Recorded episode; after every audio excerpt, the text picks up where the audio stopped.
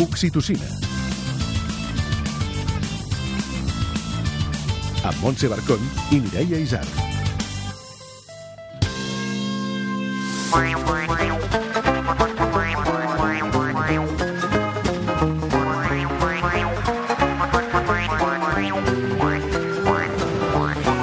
Quan va viure l'actriu Maria Rodríguez Soto l'inici de la maternitat, ser mare li ha portat un pas sota el braç i últimament l'hem vist al cinema amb els dies que vindran i aviat tornarà a la sala Beckett amb una gossa en un descampat. Avui contesta el tu tots tothom. Fa unes setmanes hi va haver una petita polèmica amb una crema solar Disdin de suposada protecció 50 que resultava protegir menys del que prometien. Per aquest motiu, avui hem volgut convidar Carolina Prat, dermatòloga de l'Hospital Sant Joan de Déu, per preguntar-li com hem de tenir cura de la pell de tota la família o com hem de combatre meduses, abelles i erugues de la processionària, per exemple. A més a més, tindrem l'última coni d'en Xavi Cazorla i la cirereta del pastís, un nou conte d'un minut de l'Amon Mas. Tot això i més a l'Oxitocina!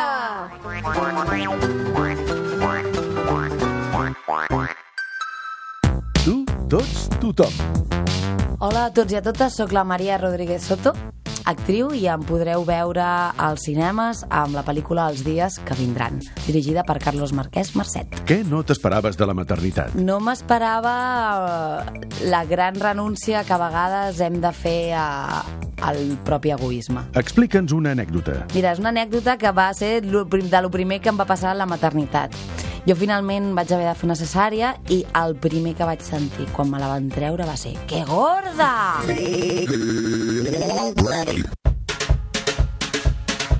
Manual d'instruccions.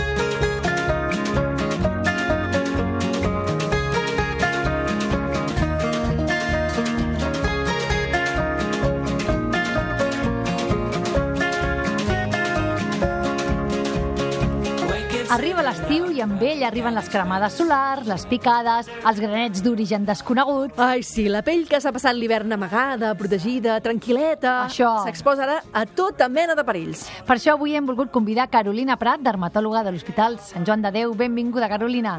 Gràcies, moltes gràcies per convidar-me i parlar d'aquest tema tan important a aquesta època. De... I tant, i que ho juris.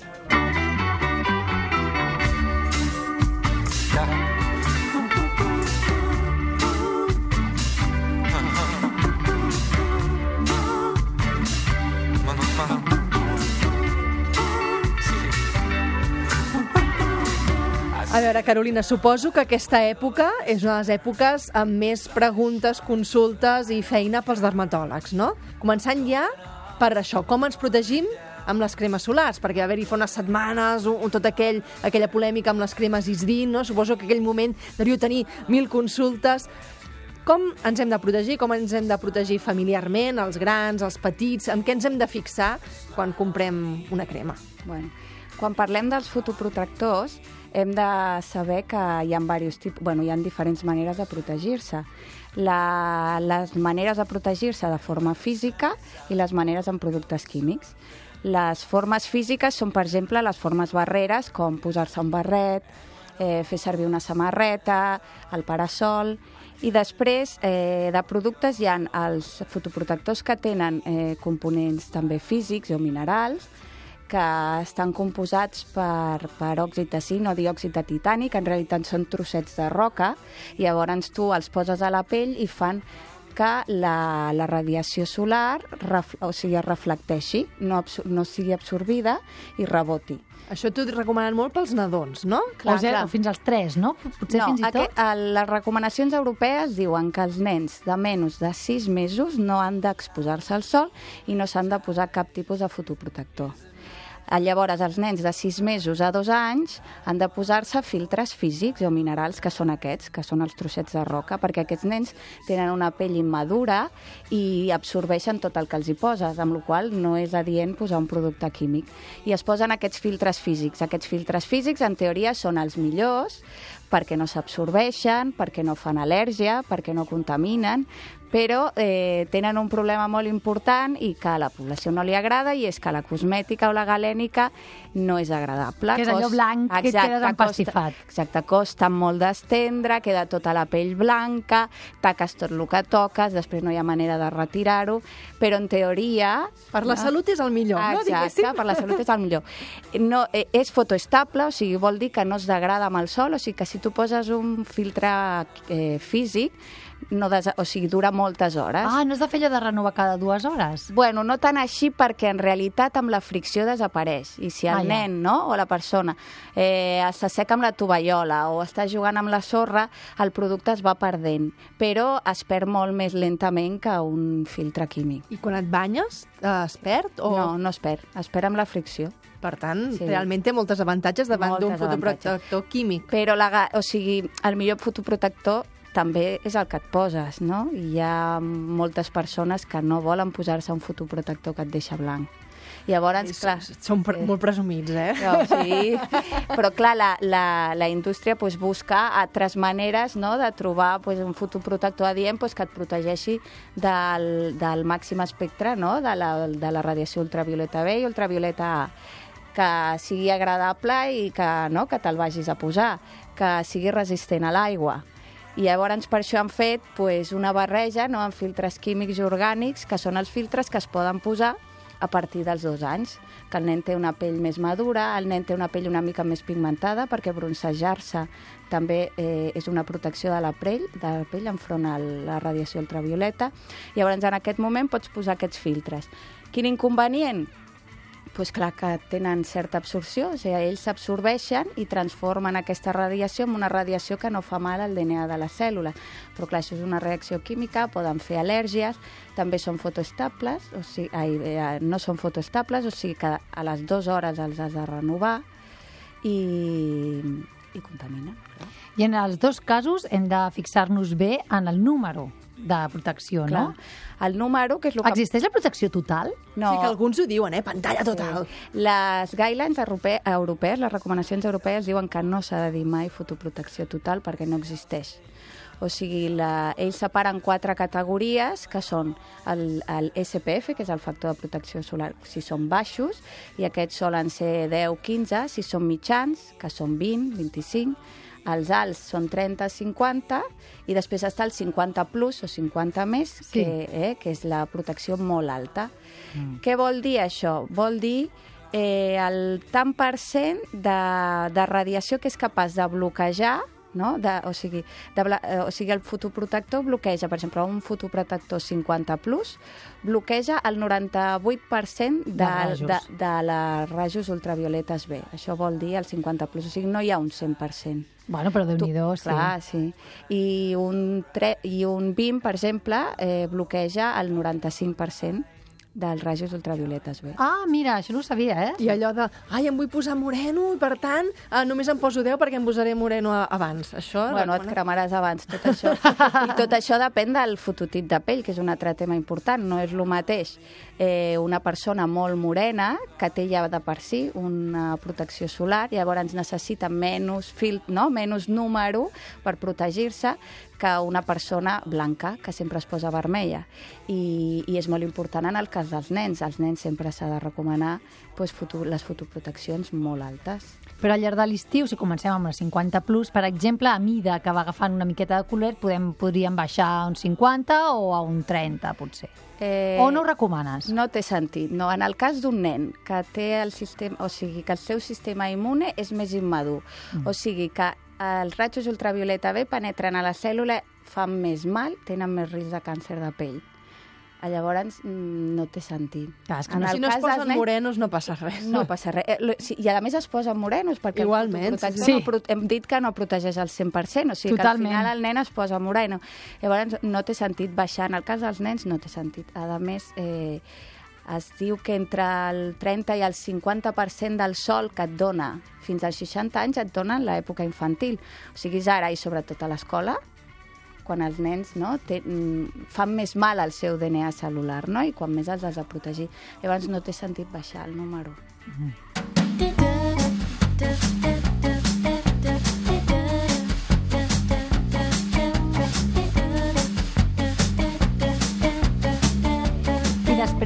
Sol, uh, hem de posar alguna cosa, tipus aloe vera o així, o no cal? Si no t'has cremat, no cal que hi posis res. Clar, després d'estar moltes hores al sol, el que passa és que eh, la pell... Cosa que ja no hauríem de fer, estar moltes hores al no, sol, no? no, però, però bueno, inevitablement, no? Clar, a l'estiu és molt difícil. No, no només a la platja, però pel carrer, Clar. estàs moltes hores al sol. I la, eh, la radiació fa que tu perdis aigua per la pell i la pell s'assequi. Llavors és important, pues, després d'estar moltes hores al sol, pues, rehidratar la pell amb una crema hidratant normal. No cal que sigui un especial after sun. Els after suns, l'avantatge que tenen, el que diuen és que tenen antioxidants i llavors la, la radiació infrarroja i la llum visible fan una oxidació celular, no?, que és danyina, i diuen no, pues, que aquest component que té l'after sun pues, dona un plus més però que la si hidratació. tenim una crema hidratant, Però el més important és un oli d'ametlles, no sé què, ens ho posem i Hidratació, sí, el més important. I si ens hem cremat, si tenim allò la pell bullint de dir, mira, m'ha passat, m'he cremat, o jo o el nen. Bueno, depèn del grau en què t'has cremat, eh? perquè si, si és una, un erite, o sigui, una vermelló molt lleu, pots posar-te simplement a l'after sun o posar una mica de, de panyets amb aigua fresqueta per baixar la inflamació, però si la cremada és una miqueta intensa, el que s'aconsella és posar cremes amb, amb corticoides. Ah, amb corticoides, Sí. que ja és un nivell Exacte. gros, eh? Llavors això ja ens ho ha de dir un metge, no? O algú que... A l'aloe vera també va bé perquè té, cer- o sigui, té efecte antiinflamatori, coses fresquetes que calmin. Va, anem a un altre clàssic de l'estiu, que són els bitxos! Els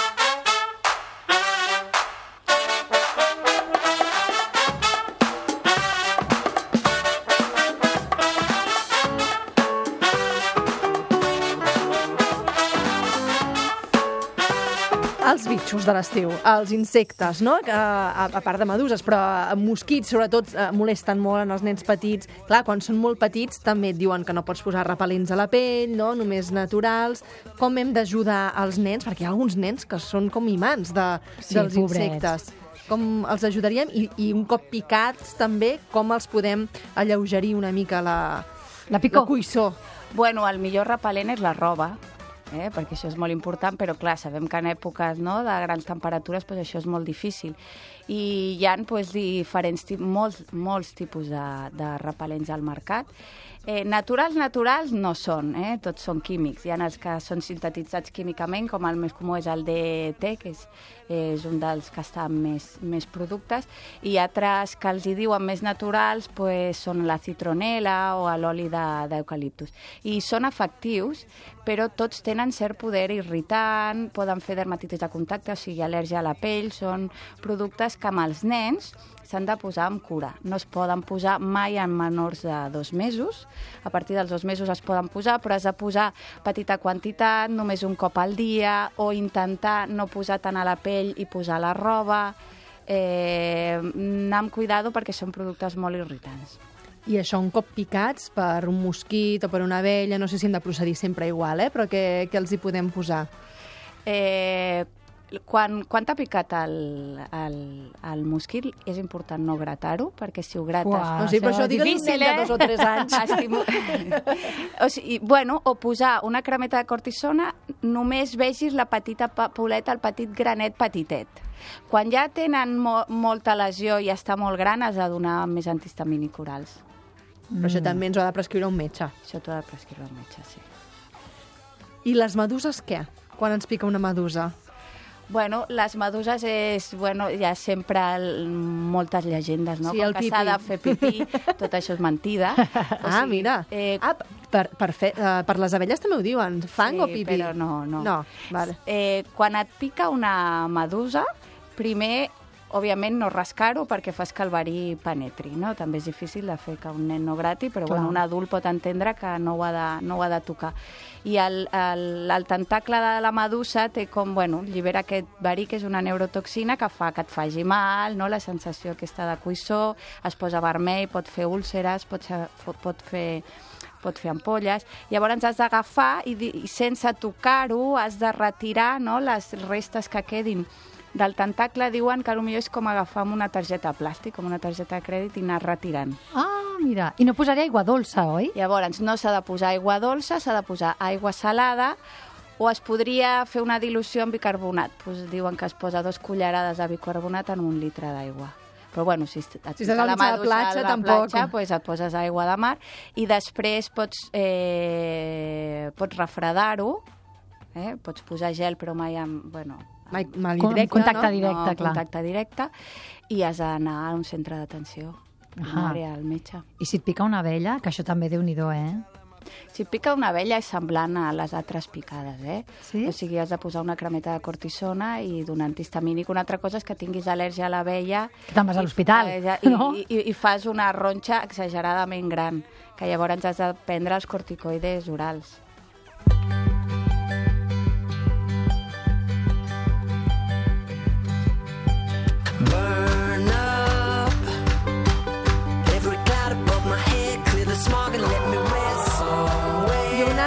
clàssic de l'estiu, sobretot pels nens que porten bolquers, pobrets, els hi queda el cul, la sudamina.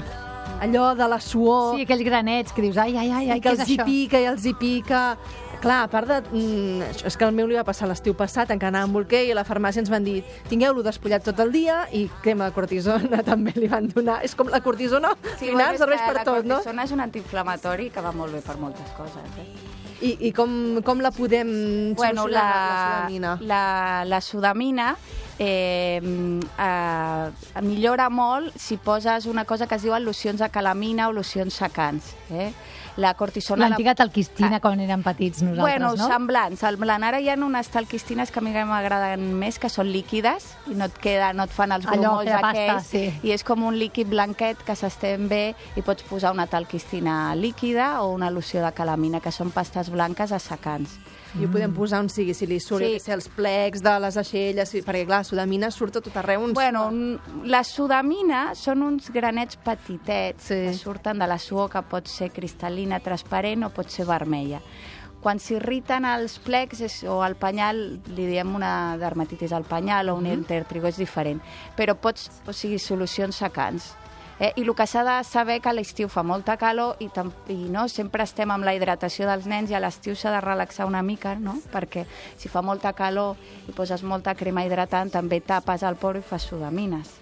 Val, o sigui que a l'estiu millor no posar molta no, crema s'ha de hidratant. posar, però no tanta, o, o canviar, no? O potser a l'hivern fas una crema molt, molt hidratant i a l'estiu fas una més lleugereta. Ai, Carolina, ens han quedat tants, tants temes pendents que crec que, crec que hauràs de tornar un altre dia. Perquè la pell dona molt, dona molt de sí, sí, sí. eh? Sí, clar, només ja quan neixes et dona aquella canasteta plena de productes, productes, De no? sabons, i que dius, ai, ai, Hi ha una ai. pregunta ràpida. Calen tantes coses quan són petits, tants sabons, colònies... No, no calen, no calen, no calen. Quan, Poca- Men- co- menys és menys, més. Exacte. exacte. Gràcies per venir, Carolina. Gràcies La trobareu a l'Hospital Sant Joan de Déu. Esperem que no l'hagueu de necessitar, però si no, és allà. Carolina Prat, moltes gràcies. Molt bé a vosaltres. Adéu. La Coni. Les cremes quan tens un fill, eh, això és tot un món, eh? Jo l'afegiria dins l'apartat de coses de tenir un fill que van incloses a la lletra petita del contracte, coses com fregar roba cagada a mà, haver d'escombrar cada dia després de sopar al terra de la quantitat de menjar que hi ha, o ruixar els teus fills de crema de forma regular. Perquè, a veure, quan són petits, perquè són petits, i quan són grans, perquè com seran grans estaran més exposats al sol i coses d'aquestes. Comencem pel principi, si de cas, perquè quan són nadons se'ls ha de cuidar molt. Que també dius, aviam, aquesta criatura s'ha passat 9 mesos sense fotre res, ja es podia haver anat hidratant ella amb una nivea dins la panxa, eh, que ja tindríem una mica de part de la feina feta, però no, 9 mesos allà tocant-se'ls i ara neixen i els veus que tenen un color morat de pell que ja preveu que allò s'haurà de banyar en crema cada dos per tres. I tu ho fas, perquè ets obedient. Pel matí, a la nit, a mitjanit, a la tarda, jo que sé quants cops els pots arribar a fotre crema a aquestes criatures. Que s'hidratin, que s'hidratin, que s'hidratin! La meva filla portava tanta crema a sobre que un dia va agafar embranzida per gatejar al menjador, va començar a lliscar per casa i la vam trobar al lavabo. Però és molt important el tema de la crema, posar cremes i tot de potingues al cos de les criatures perquè els nadons tenen una pell molt fina i delicada que s'ha de cuidar molt i protegir més que la Constitució espanyola. De fet, els pediatres recomanen que canvis de casa per tenir una habitació on t'hi càpiga un armari on guardar totes les cremes específiques, que si la crema del cos, que si la crema del culet, llet hidratant, crema per la cara, crema del sol, crema catalana... ¿Qué dice este hombre? Se ha vuelto loco. A nosaltres ens va passar un dia que ens hem despertar i la meva filla gran, pobreta, semblava Soraya Saez de Santa Maria, vull dir, tenia la cara tota inflada, que era just a més el dia de Reis i a la cavalcada pobra, bueno, estava d'aquesta manera que, no- que no li van llançar ni un carmel. L'únic que li van llançar va ser el sac dels carmels perquè li tapéssim la cara, pobreta meva. La vam portar al pediatre i ens va receptar una altra crema per la cara. Aquesta no la teníem, amb cortisona, que així li baixés una mica la inflamació. També s'ha de dir que després ens va dir que vigiléssim perquè tot plegat al final era per culpa de la crema. Per tant, ens va recomanar que no li posessin tantes cremes en general. Vagi la merda. I quan creixen una mica i arriba l'estiu és el moment de la crema del sol. Sí, amics, si heu d'anar a la platja o a la piscina, han d'estar ultra protegits del sol. I mentre no s'inventi una mena de dutxa dispensadora automàtica de crema per nens, que espero que hi hagi gent treballant ara mateix ja als Estats Units, has de ruixar tu, centímetre a centímetre, el cos de les teves filles amb crema. Jo he fet el càlcul, per la meva experiència, i posar crema a les meves filles tenint en compte que el més probable és que mentre els hi poses es moguin, saltin, ballin, cridin, cantin, es caguin, dormin, en tot això, més el ruixat de la crema, estaríem parlant d'un ruixat complet, eh? Res del ruixat estàndard barat de flu-flu una mica i fora. No, no, ruixat complet. Per cara, esquena, espatlles, braços, pits, cames, peus, zona del culet que pot sobresortir del banyador i la ratlla del cabell, molt important, que si no se li crema, això suposa 2 hores i 45 minuts per criatura.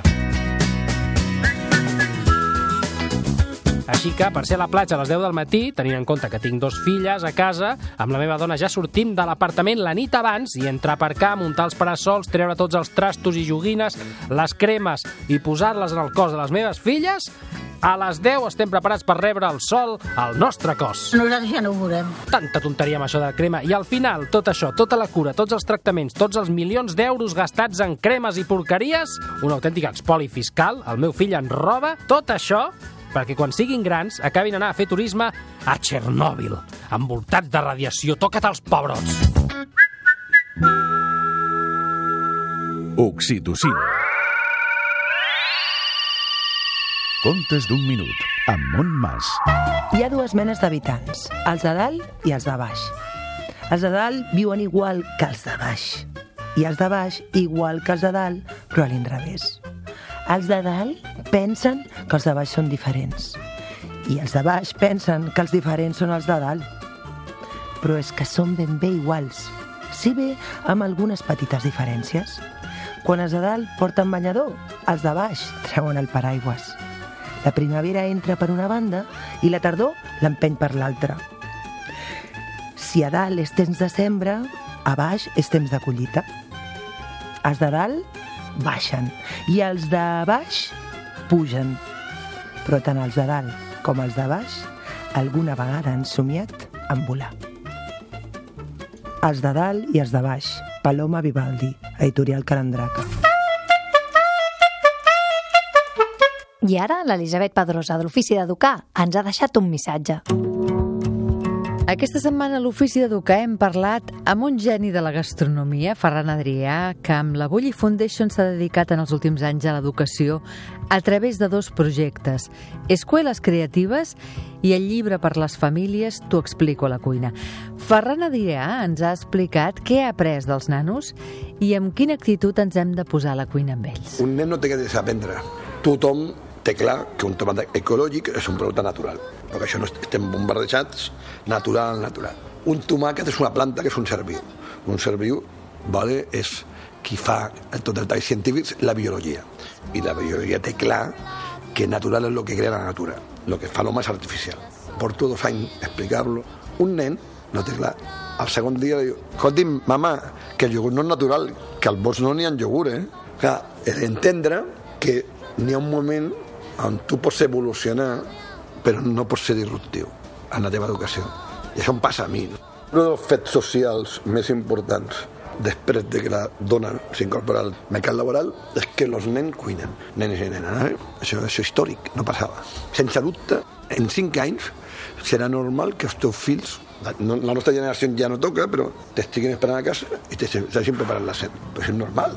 Cuina no és tan difícil, eh? cuinar no? una acció mecànica.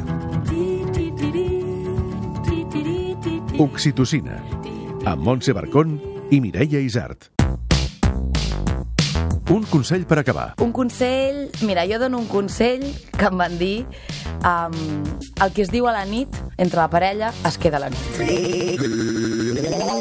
La dosi d'oxitocina setmanal s'acaba aquí. Si en voleu més, en trobareu al grup de Facebook, al blog del programa i al podcast.